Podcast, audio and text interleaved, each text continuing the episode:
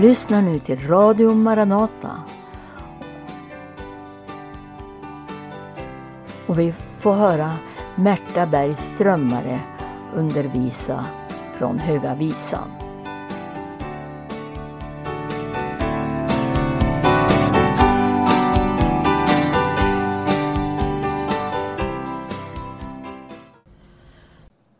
Då är vi framme vid det tredje avsnittet av mina studier ifrån Höga Visan med rubrik Vem är bruden? Idag så ska jag läsa Höga Visans andra kapitel och den femtonde versen. Och där står det så här Fånga rävarna åt oss. De små rävarna som fördärvar vingårdarna. Våra vingårdar som nu står i blom. Då har jag tittat lite på rävar. Läst lite grann om olika slags rävar. Själv har jag stött på den vanligaste som vi har, rödräven. Och jag har funderat lite grann på vad gör en räv för skada i en vingård? Men då läste jag igen de små rävarna. Och då tänker jag så här, de är ganska söta. Om vi tänker oss att det är rävungar. När de kommer och hälsar på utanför tomten så tycker vi att de är jättesöta. Och vi tror inte alls att de är farliga på något vis. Och det är de ju inte heller. Men det finns andra rävar än våra små rödrävsungar. Ökenrävarna till exempel. De som är bara en 15 centimeter höga och kanske 25 centimeter långa. De är väldigt små. De lever i ökentrakter, de lever i de här geografiska trakterna där eh, Höga Visan utspelar sig. De är nattaktiva. Det är de minsta hunddjur som finns här på jorden, sägs det. De är rovdjur å ena sidan, men de är också allätare. Och de är anpassade till vattenbrist. Och det betyder att växtföda ger dem vätska. De är beroende av att hitta rötter. Och de gnager på rötterna för att den vägen få vätska i sin kropp. Men när man gnager på rötterna till en växt då ödelägger man den växten. Och därför så tänkte jag när jag läste om dem att det måste vara de små rävarna som varnas för och som uppmanas att vi ska ta till fånga. För de fördärvar vingårdarna. Och de kan hoppa tre, fyra meter högt upp i luften. Så att även om vingården är tillsluten med en hög mur så hoppar de här rävarna upp på murarna och tar sig in i vingårdarna och gnager på rötterna och ödelägger på så sätt vinträden, vinplantorna. I Hesekiel 13 ska vi läsa så här verserna 1 till och med 9. Herrens ord kom till mig. Han sa Du människobarn, profetera mot Israels profeter som profeterar. Säg till dem som profeterar efter sitt eget hjärta. Hör Herrens ord. Så säger Herren, Herren, ve över de dåraktiga profeter som följer sin egen ande utan att ha skådat någonting. Som rävar på öde platser är dina profeter Israel. Ni har inte trätt fram i rämnorna och byggt upp muren omkring Israels hus så det kan bestå i striden på Herrens dag. De har skådat lögn och falska spådomar. Det säger, så säger Herren, Herren. Men Herren har inte sänt dem. Och ändå hoppas de att deras ord ska gå i uppfyllelse. Var det inte falska syner ni skådade och lögnaktiga spådomar ni uttalade när ni sade så säger Herren fast jag inte hade talat något sådant. Därför säger Herren, Herren så eftersom ni talar falskhet och skådar lögn är jag emot er, säger Herren, Herren. Min hand ska drabba profeterna som skådar falskhet och spår lögn. Det ska inte få plats i mitt folks församling. Som rävar på öde platser är dina profeter. Profeter som profeterar efter sitt eget hjärta och följer sin egen ande. I Markus åttonde kapitel där använder Jesus epitetet räv om kung Herodes. Herodes vill träffa Jesus. Men Jesus han säger hälsa den räven. Så det finns både stora och små rävar. Rävar i kungakrona och rävar i profetmantel. En bibellärare har uttryckt ett råd som jag gärna citerar. En falsk religion och en förförande värld. Det är krafter som en sanningssökande brud måste ta till fånga, bekämpa och ta sig i akt för. Med det så har vi kommit in på detta om att fånga de små rävarna. Och jag har idag skrivit ner lite olika beteckningar på rävar. Vi har falska profeter. Apostlagärningarna talar om dem redan från början. Vi har eh, eh redan där i den första tiden utav Jesu efterföljares evangelisation så kommer det in sånt som vi skulle kunna kalla för rävar. Falska rävar. Och jag vill börja där då med att läsa första Timotebrevets fjärde kapitel. Så att vi ska förstå att det här är ingenting som jag har hittat på. Utan det här är en verklighet som vi har att tampas med. I första Timoteusbrevets första kapitel, vers 1 till och med 7 läser vi.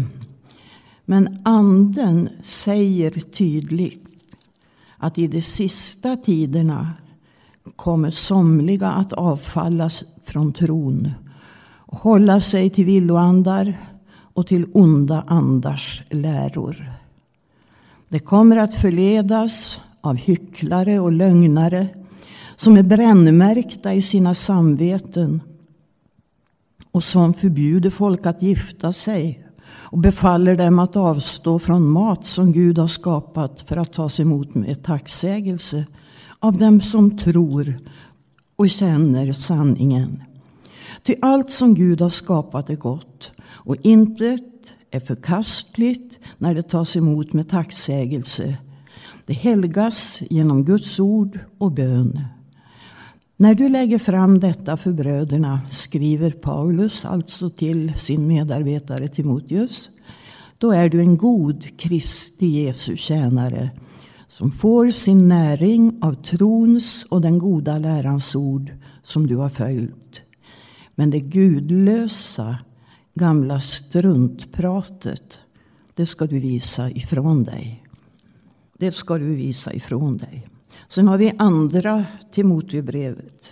Paulus skriver ytterligare ett brev till Timoteus där han är inne på samma spår. Första kapitlet och de fem första verserna. Från Paulus, genom Guds vilja Kristi Jesu apostel, sänd för att predika löftet om liv i Kristus Jesus, till Timoteus, mitt älskade barn, nåd, barmhärtighet och frid från Gud, Fadern och Kristus Jesus, vår Herre. Andra Timoteusbrevet, tredje kapitel, vers 1 till och med 5. Det ska du veta att i de sista dagarna ska det komma svåra tider. Människor kommer att älska sig själva och vara penningkära. Skrytsamma, stolta, hånfulla, olydiga mot sina föräldrar, otacksamma, gudlösa, kärlekslösa, oförsonliga, skvalleraktiga, obehärskade, råa, fientliga mot det goda, falska, egensinniga och högmodiga. De ska älska njutning istället för Gud och ha ett sken av Gudsfruktan men förneka dess kraft. Håll dig borta från dem. Det är alltså Paulus som betonar vad som ska vara en verklighet i de sista tiderna.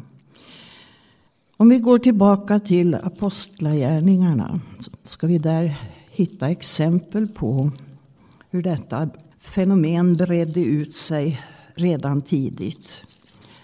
Apostlagärningarna 13, vers 6 till och med 12. Sedan for det över hela ön ända till Pafos. Där träffade det på en jude som bedrev trolldom. En falsk profet vid namn Bar Barjesus. Han höll till hos landshövdingen Sergius Paulus som var en förståndig man. Denne kallade till sig Barnabas och Saulus och ville höra Guds ord. Men Eliumas, Elimas, trollkarn, det var hans namn betyder, gick emot dem och försökte hindra landshövdingen från att komma till tro. Saulus, som även kallades Paulus, uppfylldes då av den helige Ande och spände ögonen i honom och sa Du djävulens son, full av allt slags svek och bedrägeri. Du fiende till allt som är rätt ska du aldrig upphöra att förvränga Herrens raka vägar. Se, nu kommer Herrens hand över dig och du ska bli blind en tid och inte kunna se solen. I samma ögonblick föll ett totalt mörker över honom och han gick omkring och sökte efter någon som kunde leda honom. När landshövdingen såg det som hände kom han till tro, slagen med häpnad över Herrens lära. Här ser vi en räv, en jude som utövar trolldom. Och ändamålet med hans verksamhet, det läser vi här att det är att försöka människor att komma till tro. Och jag tänker att vi har gott om sådana ibland oss i våra dagar. Människor som kanske har samma ursprung som vi. Samma slags gemenskap som oss. Människor som till det yttre tillhör oss. Men som har en egen agenda. Nämligen att förhindra människor att komma till tro på Gud. Och det är inte alltid så att det syns utanpå. Därför att den här trollkarn, han blev ju inte avslöjad förrän Paulus, jag tycker om det här uttrycket, spände ögonen i honom och sa Du djävulens son, full av alla slags svek och bedrägerier. Vi ska titta lite grann på några praktiska exempel i vår tid där man nog skulle kunna säga de här orden. Men det finns också mer att lära sig om vi läser ifrån Andra Petrus brev 2, det andra kapitlet. Jag vill bygga under med mycket verifikationer från Bibeln. Väldigt många bibelord som visar på att här är det frågan om falska apostlar. Så att vi får någon slags möjlighet att känna igen dem i vår tid och i vår verklighet och ibland oss. Andra Petrus brev söker jag efter just nu. Och andra kapitlet talar om just falska profeter. Från första versen i kapitel 2 i Petrus andra brev läser jag. Men det fanns också falska profeter bland folket. Liksom det bland er kommer att finnas falska lärare som smyger in förödande läror. Där har vi de små rävarna. De märks inte så tydligt. De smyger in förödande läror. De ska till och med förneka den Herre som har friköpt dem och drar så plötsligt fördärv över sig. Många ska följa dem i deras utsvävningar och för deras skull kommer sanningens väg att smädas. I sin girighet kommer det att med falska argument sko sig på er. Men domen kommer över dem. Den är sedan länge verksam och deras undergång den sover inte. De ska smyga in förödande läror. Och det är ju just det här när någonting är litet och nästan omärkligt. Då är det en sån här liten räv som tar sig in och påbörjar sin ödeläggande verksamhet. Hebreerbrevet 13 vill jag också läsa. Där säger Hebreerbrevets författare så här. Lev inte för pengar utan nöj er med vad ni har. Gud har själv sagt jag ska aldrig lämna dig eller överge dig. Väldigt mycket av rävarnas verksamhet handlar om girighet. Och i brevet till Titus, där säger Paulus Förblir du vid den sunda läran. Det är alltså frågan om en sund förkunnelse och inte att smyga in någonting annat. Matteus 24. Det är Jesus som talar om vad som ska vara i ändetiden. Vi ska ta med oss det också. Matteus evangeliets 24 kapitel. Där är det inte fråga om en trollkar. Det är inte fråga om en falsk profet som det varnas för. Utan det är frågan om en falsk Messias. Jag ska läsa verserna 23 och 20, till och med 26. Det är Jesu egna ord. Han talar om hur det ska vara i ändetiden. Och han säger så här. Om någon då säger till er. Se här är Messias. Eller där är han. Så tro det inte. Ty falska messiasgestalter och falska profeter ska träda fram och göra stora tecken och under för att om möjligt bedra även de utvalda. Jag har nu sagt er detta i förväg. Om det alltså säger till er, han är i öknen, så gå inte dit. Eller, han är i de inre rummen, så tro det inte. här är det alltså Jesus själv som uppmanar till att inte tro.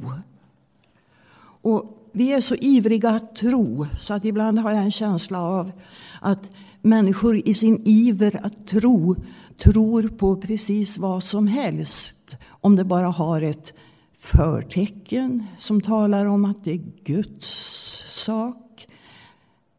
Det är till och med så att i Jesu namn kan man göra saker för att få folk att tro på helt fel saker. Ja, det är spännande dagar vi lever i då det här går i uppfyllelse inför oss.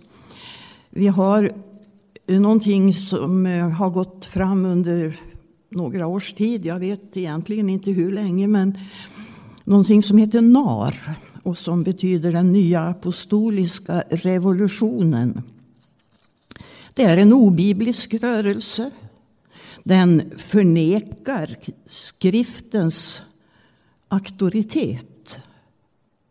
Och där har vi någonting väldigt viktigt. Vi måste känna till vad Guds ord säger för att veta. För att hitta. För att orientera oss på ett rätt sätt. En person som eh, heter Peter Wagner är sittande apostel i denna nya apostoliska revolution. Han är självsmord, det vill säga han har själv utvalt sig. Valt sig själv och smort sig själv till apostel. Och deras eh, agenda det är domino. Det betyder herravälde. Det är alltså fråga om makt. Men de kännetecknas av karismatiska känslostormar, direkta uppenbarelser, bönevandringar och drömmar och visioner. De gör resor till himlen, det är mystik och galenskaper av skilda slag. Kingdom now, det är också deras utrop. Eh, kungadöme nu alltså. Och de har ensamma makt. Enligt deras tro och proklamation så har de ensamma makt att lägga grunden till en global kyrka. De har helt klart sina rötter i Let the Rain-rörelsen, om det är till upplysning för någon. Och de hävdar att Gud nu upprättar och återställer de förlorade tjänsterna, nämligen apostlar och profeter. Namnet är Nar. Ta er i akt för dem, för det är en inte så liten räv. Vad finns det mer att varna för? Vi ska titta lite grann på det i eh, tydliga, konkreta ordalag. Det är inte alldeles säkert att du som lyssnar till mig nu kommer att gilla det jag säger. Och jag måste vara ärlig och säga att jag gillar inte själv vad jag har fått veta. Men när jag fick det här ordet om att fånga de små rävarna och samtidigt fick höra talas om en mängd olika företeelser som flyger och far i den här tiden. Ibland Guds folk, ibland goda kristna människor.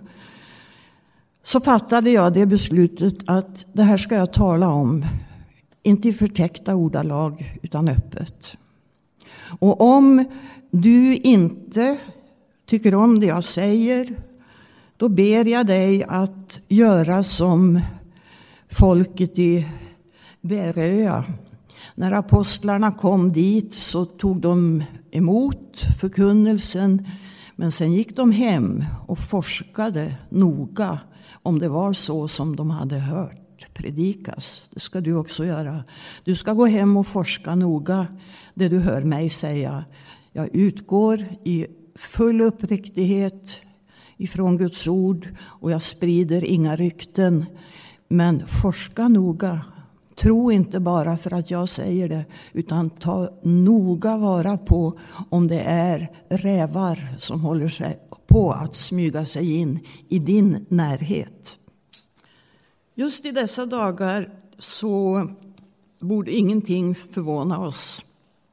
Ändå så höjer vi väl på ögonbrynen när vi läser om att katolska kyrkan och islam håller på att utverka eller åtminstone har som avsikt att utverka en ny världsreligion. En ny ekumenisk manifestation finns dokumenterad den 28 i fjärde och den 24 i andra så kan man Eh, 2019 redan så kan man se bilder när påven och en imam vars namn jag inte vet skriver under ett dekret om att försöka arbeta samman mot en världsreligion. Det är en ganska stor räv, tycker jag. Sen har vi lite mindre rävar som inte alls är ofarliga heller. Ni känner till namnet Linda Bergling, förmodar jag. Hon har funnits i många år nu. Först i Livets Ord. Hon kom ifrån trosrörelsen som i sig är en förfärlig räv. Men hon eh, valde en egen väg och har någonting som heter Arken strax utanför Stockholm. Jag vet att många har varit där. Gått i bibelundervisning och varit med på möten och tycker liksom att det är en väldigt härlig ande. Jag ifrågasätter den anden eftersom hon hävdar att hon har en särskild bönekraft där hon befaller Satan att böja knä för sig. Jag skulle vilja läsa andra Petrus brev i det sammanhanget. Andra Petrus brevs andra kapitel. Vers 9 till 22. Det står så här. Herren vet alltså att frälsa de gudfruktiga ur frestelsen och att hålla de orättfärdiga i förvar och straffa dem fram till domens dag. Särskilt dem som i orent begär följer sin kötsliga natur och föraktar Herren. Hör här. Fräcka och självsäkra skyggar de inte för att smäda hög, höga makter under det att änglar som står högre i fråga om makt och styrka inte uttalar någon smädande dom mot dem inför Herren. Dessa människor är som oförnuftiga djur av naturen födda till att fånga och döda. De smädar vad de inte känner till och kommer att gå under genom sitt förfall. Dessa människor som smädar högre makter, höga makter utan att förstå vad det är de gör. De är alltså som oförnuftiga djur och de ska fångas. Linda Bergling, hon har inte makt över Satan. Hon har inte makt att näpsa Satan. Hon har inte makt utan hon är en oförståndig människa. Som borde lära sig utav ängeln som inte uttalade någon smädande dom när han grälade om Mose. Utan som sa Herren näpse dig. Det är en väldigt farlig väg att leda in människor i tron att de kan diktera Satan och befalla Satan att böja knä för en människa. Det händer inte. Det är en räv. Sen kan jag tycka också att det finns andra saker som är värt att nämna. Nämligen detta att hos Linda Bergling där får man betala 150 kronor för om man vill ha förbön. Ja, administration kallar man det för. En administrativ avgift. Då vill jag bara påminna honom som alltid lyssnar. Som alltid hör när du ber. Och som aldrig någonsin tar någonting i betalning av dig därför att han själv betalade allt. Ja, det var en räv. Det finns någonting som heter kristna tv-kanaler. Och det tycker människor att det är så underbart. Det kan det vara. Det kan vara väldigt fina program där. Men det kan också vara rena rama smörjan. Och där kommer det här med girigheten in som vi har läst några bibelställen om här. Girigheten. Och frågar du en människa ute i vimlet idag om de vet någonting om exempelvis kanal 10 så säger de att ja, men det handlar ju bara om pengar. Och så frågar du en annan som säger ja, men det var sånt under, en underbar förkunnelse. Och frågar en tredje och säger ja, men det blev, de blev frälst genom kanal 10. Och då säger jag så här. Kanal 10 är ett hopkok utav både det ena och det andra. Där finns allt möjligt. Och är det så att man ska betala pengar för att åtnjuta Guds välsignelse då kanske man ska tänka sig om. Det finns något liknande i Norge som heter Vision Norge. Och de gick ut nu när eh, coronaviruset började sprida sig. Så gick de ut med en stadfästelse. Om du betalar 2020 kronor till Vision Norge så har dina barn beskydd emot corona. Det här är inte evangelium. Det här är eh, fula affärer. Och de här rävarna, de gör samma sak som den falska aposteln i apostlagärningarna. De verkar till att människor inte ska kunna komma till tro på Gud. Bedöm själv. Sen har vi såna här smårävar som sinnesrobönen. Den är ju så underbar tycker människor. Den kan man be liksom om man känner sig orolig eller om man har problem på något område i livet. Jag tycker lämna en sån sak som sinnesrobönen och vänd dig till den bön som Herren Jesus lärde oss. För att sinnesrobönen den säger att oh, du ska acceptera det du inte kan förändra och så vidare och så vidare. Men du kan åkalla vem som helst i, i, i ditt bedjande. Du kan rikta den här bönen mot Kalle Karlsson i grannhuset eller Brunte eller ja, vem som helst. Du kan kalla det Gud om du vill, men det går lika bra med något annat. Och så fort jag hör det, då minns jag vad Gud sa alldeles i början av den här vandringen då Guds folk skulle ut till frihet. Då gav han buden som vi också borde ta med oss varje dag. Du ska inga andra gudar ha. Du ska ingen annan gud ha. Och så fort det blir frågan om att du kan välja en annan att tillbe. Då har du kommit väldigt nära rävlyorna. Då ska du passa dig. Frimurarorden är ett gammalt välkänt fenomen. Och jag undrar hur många som egentligen vet vilket djävulskap det är. Vilken fruktansvärd fångenskap ordensväsendet har. Och vilka makter som spelar i deras högtider.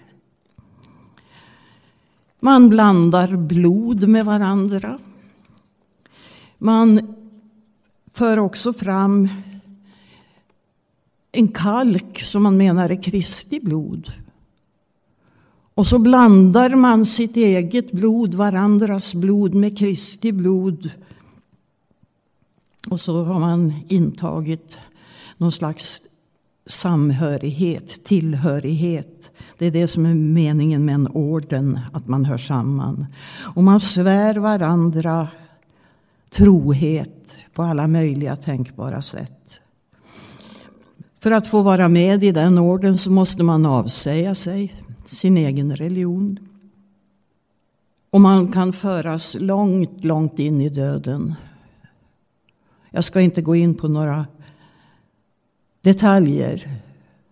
Jag vet att det finns ohyggliga saker att ta reda på. Men jag ska inte gräva i det. Däremot så ska jag berätta om en ganska ny företeelse som attraherar många unga människor, särskilt kristna ungdomar. Den heter Hillsong. Och jag har hört ungdomar som är så förtjusta i att gå dit därför att det är en sån frigörelse. Det är en sån sång och man är så uppfylld av sån härlighet i sången och gemenskapen. Jag vill bara påminna om ett skivomslag som hör hemma hos Hillsong. Och det skivomslaget har alltså bilder på sig som säger en hel del om vad det är för något, vad man representerar tycker jag. Det är eh, soltillbedjan, det är katolska kyrkans hjärta, upplysningens trappa och frimurarordens bägare, den som alltså är blandad med allt möjligt slags blod. De symbolerna på ett skivomslag där man vill upphöja Jesus ställer jag mig väldigt frågande till. Och när man ser sånt då ska man bli misstänksam. Jag brukar ofta få höra att du är så misstänksam, du är så kritisk. Och är det någonting jag skulle vilja uppmana till så är det var kritiska. Var misstänksamma om ni ser att någonting talar om någonting annat än det rena oförfalskade evangeliet. Så slå till rävfällorna det fortaste ni kan. Finns det någonting som heter e-church också? Och där har man visst väldigt mycket härlighet har jag förstått. Jag har försökt att googla lite grann och jag har fått fram lite uppgifter och jag förstår att det finns en, eh, en härlighetsfaktor som folk reser långa vägar för att få vara med om. Och det är klart, jag kan förstå behovet av att få komma tillsammans och prisa Gud. Det är underbart. Men jag säger så här, om du inte kan möta härlighetens Gud i din egen bönekammare. Då ska du vara väldigt försiktig med sådana här olika typer av gemenskap. Ehm, jag ska läsa romarbrevet från Romarbrevets första kapitel. Vers 21 i Romarbrevet 1. Fastän de kände till Gud prisade de honom inte som Gud eller tackade honom utan förblindades av sina falska föreställningar så att mörkret sänkte sig över deras oförståndiga hjärtan. De påstod att de var visa, men de blev dårar. De bytte ut den odödlige Gudens härlighet mot bilder av dödliga människor, av fåglar, fyrfotadjur och kräldjur. Och därför utlämnade Gud dem så att de följde sina egna begär och bedrev allt slags otukt och förnedrade sina kroppar. De bytte ut Guds sanning mot lögnen och tog sig för att dyrka och tjäna det skapade istället för skaparen. Han som är välsignad i evigheter. Amen.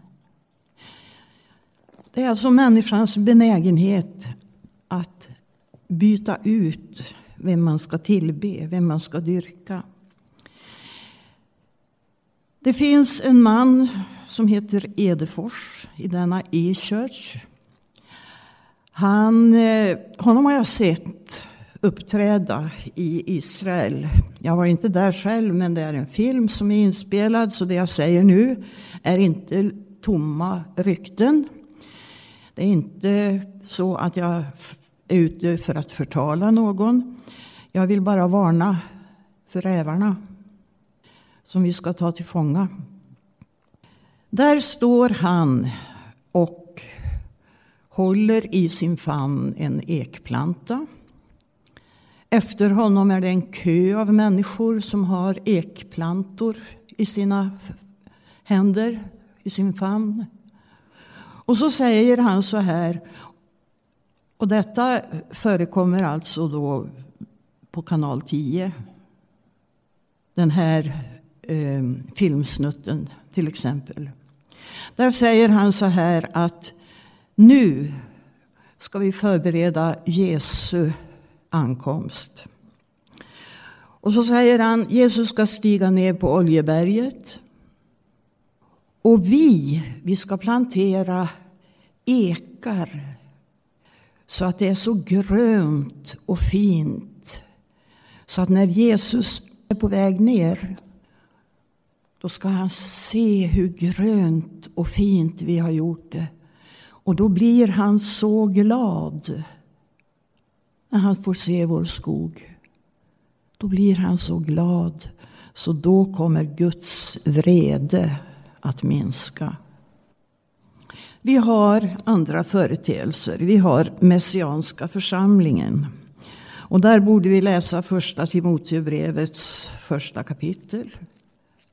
Riktigt tydligt och noga. Där står det i den tredje versen nu, liksom när jag var på väg till Makedonien, uppmanar jag dig att stanna kvar i Efesus och förmana somliga där att inte förkunna falska läror och befatta sig med myter och ändlösa släktregister. Sådant leder till strider och tjänar inte en gudomlig undervisning i tron vad all förmaning syftar till är kärlek av ett rent hjärta, av ett gott samvete och en uppriktig tro. Detta mål har somliga förlorat ur sikte och så förfallit till tomt prat. De vill vara lärare i lagen men förstår varken vad de säger eller vad de så säkert uttalar sig om. Och här är det som Paulus varnar för judaseende lärare, villolärare. Vad är en messiansk församling? Ja, det är en hemlig förening har jag förstått. Ska jag också läsa lite ifrån Galaterbrevet. Vi läser ifrån Galaterbrevet 2 verserna 3 till och med 5. Men inte ens min följeslagare Titus, som är grek blev tvingad att låta omskära sig. Hade det berott på de falska bröder som smugit sig in skulle han ha blivit tvungen till det. Det hade nästlat sig in för att spionera på den frihet vi har i Kristus Jesus och göra oss till slavar. Men inte ens ett ögonblick gav vi vika för dem och underkastade oss. Vi ville att evangeliets sanning skulle bevaras hos er. Och så läser vi Galaterbrevet 2, verserna 1 och 2. Ni dåraktiga galater, vem har förhäxat er?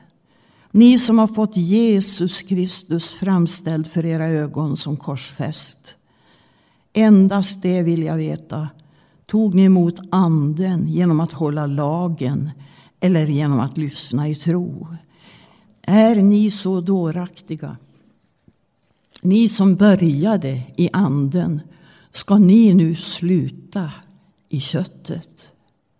Och sen skulle man kunna läsa, men det kan ni göra själva, Galatierbrevets hela femte kapitel. Där Paulus talar om att till den här friheten har Kristus gjort oss fria. Stå därför fasta och låt er inte på nytt tvingas in under slavoket.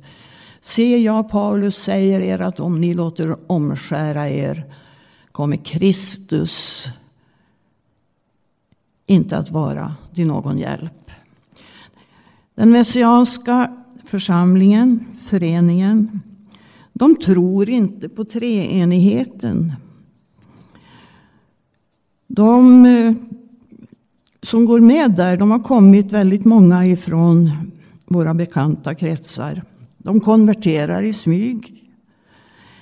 Eh, de eh, menar att det finns bara ett folk som tillber den evige. Eh, Kristus sätter man inte särskilt högt. Utan det är Jeshua, Messias. Korset får inte nämnas. Jesus, ett annat slags väsen. Det är inte vår Jesus, utan det är ett annat slags väsen.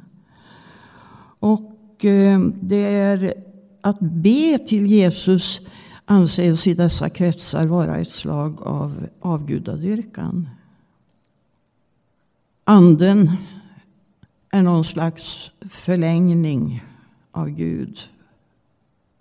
En mycket märklig teologi som man med sorg måste konstatera att människor har fastnat i den här rävsaxen. Ta avstånd ifrån dem. Jag möter människor som försöker att ha gemenskap med dessa messianare. Man vill inte att det ska vara ett avbrott. Att det ska vara skillnad emellan. Man försöker vara vänner. Man kan fira shabbat tillsammans. Och så vidare och så vidare. Jag säger ta avstånd ifrån dem. För Jesu Kristi skull. Ska vi tala lite grann om en av de modernare företeelserna i tiden. Det finns väldigt mycket new age inblandat i kyrkor och församlingar idag. Man eh, har ut, no, någon har utvecklat någonting som heter tikva. Det är alltså ett slags rumsren yoga. En kvinna vid namn Mimmi Edin från Kungsportskyrkan i Huskvarna. Hon har skapat denna tikva. Skapat en egen musik som man använder. Och det är helt enkelt yoga fast med lite kristna förtecken. Man har satt in lite kristna benämningar här och där. Och man eh, hävdar att detta går alldeles utmärkt tillsammans med ett vanligt gudstjänstliv. Det är så pass illa så att det här har förekommit redan för tio år sedan och fram till nu i stora kristna sammanhang. Jag kan nämna Löttorps camping, Nyhemsveckan, Torpkonferensen. Där har man tikva övningar. Före eller efter mötena. Jag vet inte vilket. Men jag vet att det har varit rutiner. Jag känner en oerhörd sorg över att behöva gräva i den här dyngan. Men när jag möter människor som faktiskt inte vet någonting om det här så måste jag ta till mig det här ordet. Bruden. Vem är bruden? Denna brud som kallades som överrumplades utav brudgummens kärlek. som har en uppgift i tiden att sprida väldoft, Kristi vällukt. Att eh, bära vittnesbörd om brudgummen. Vem är han? Ja, det var han som gav sitt liv. Vem är han som kommer från Bosra i högröda kläder? Det är han som har trampat Guds vredes vinpress. Han har givit sitt liv, utgjutit sitt blod för att kunna ta ut åt sig en ren brud. Och vårt saliga hopp, det är brudens saliga hopp. Om jag läser Höga Visans sjätte kapitel och den nionde versen så heter det så här. Vem är hon som blickar fram liksom morgonrodnaden? Skön såsom månen, strålande som solen, överväldigande som en härskara. Det är ingen liten förtrampad människoskara. Hon blickar fram, hon lyser fram i ändetiden. Den här tiden som Jesus varnade för och som apostlarna varnade för. De här svåra tiderna. Och den här tiden då alla de här rävarna lever fritt ibland oss. Ändetiden. Då Jesus sa, låt ingen bedra er. I den tiden så har bruden en uppgift att blicka fram som morgonrodnaden. Vad är morgonrodnaden för någonting? Jo, det är det här ljuset som kommer innan solen riktigt har gått upp. Men det ska bli dag. Det är en bedrövlig natt i världen. Ibland kristet folk och ibland alla människor så är det mycket natt och dimma. Men det finns en uppgift för Jesu brud att stå fram som morgonrodnaden. Och det är så underbart. I 6 och 11 så heter det så här. Utan att jag, Höga visan 6 och 11 alltså. Utan att jag märkte det hade min längtan satt mig vid mitt första folks vagnar. Har du längtan att få möta din brudgum? Har du förstått att det är du som är utvald till att vara Jesu Kristi brud? Har du förstått att du är utvald till att vara redo för uppbrottet ifrån den här bedrövliga, av synd förbannade världen? Utan att jag märkte det, säger bruden här, hade min längtan satt mig vid mitt första folks vagnar. Ditt förhållande till brudgummen, din längtan, det är den som gör dig redo det är den som sätter dig i vagnen. Och så säger, läser man också här i tolfte versen. Då säger vännerna så här. Vänd om, vänd om du Sulamit. Vänd om, vänd om så att vi får se på dig. Och när jag läste det ordet först så tänkte jag. Hur ska världen få se Jesus? Om inte genom oss som är hans brud. Men så tänkte jag så här. Det står i Lukas 9 och 62. Den som har satt sin hand i plogen och som ser sig tillbaka är inte skickad till Guds rike. Vänd om, säger vännerna kanske. Dina vänner kanske säger var inte så kritisk. Var inte så misstänksam. Var inte så radikal. Ta inte så noga på det hela. Vänd om till oss så vi får se på dig. Se dig aldrig mer tillbaka. Har du fått längtan att vara Jesu brud? att få vara med när han kommer, se dig aldrig mer tillbaka. Ta din plats i första folkets vagnar.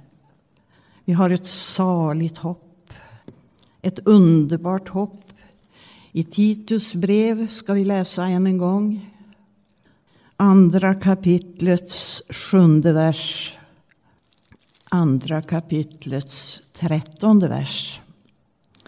Medan vi väntar på det saliga hoppet att vår store Gud och frälsare Jesus Kristus ska träda fram i härlighet. Han har offrat sig själv för oss för att friköpa oss och rena åt sig ett egendomsfolk. Bruden i den yttersta tiden läser vi från Andra Petrus brev, tredje kapitel, verserna 3 och 4. Framför allt ska ni veta att i de sista dagarna kommer det människor som drivs av sina begär och som förtalar och hånar er och frågar hur går det med löftet om hans återkomst?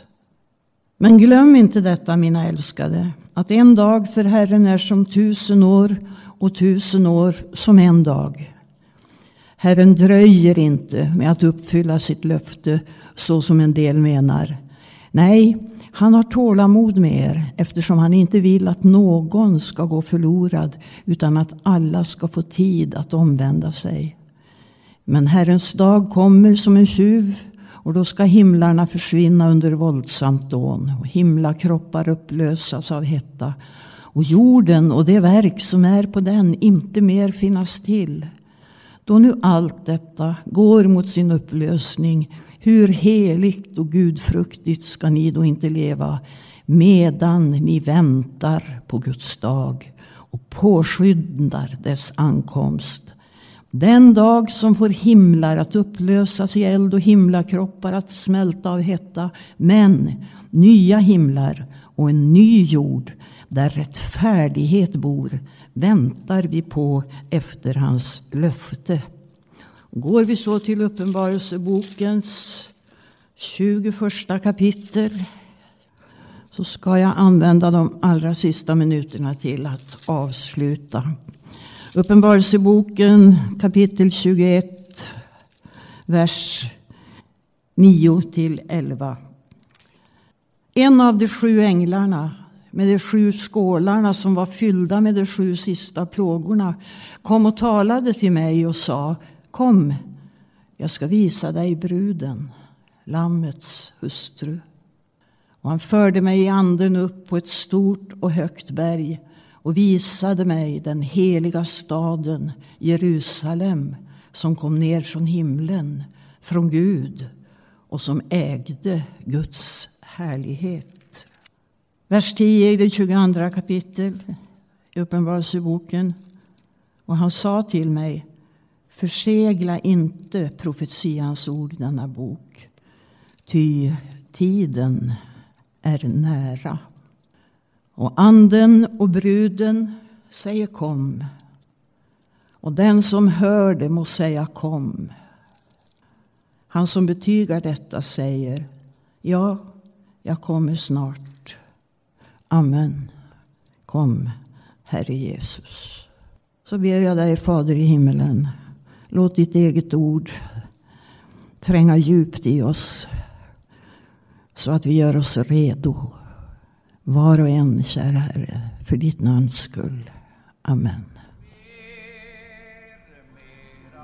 Du har nu lyssnat till ett program från Radio Maranata.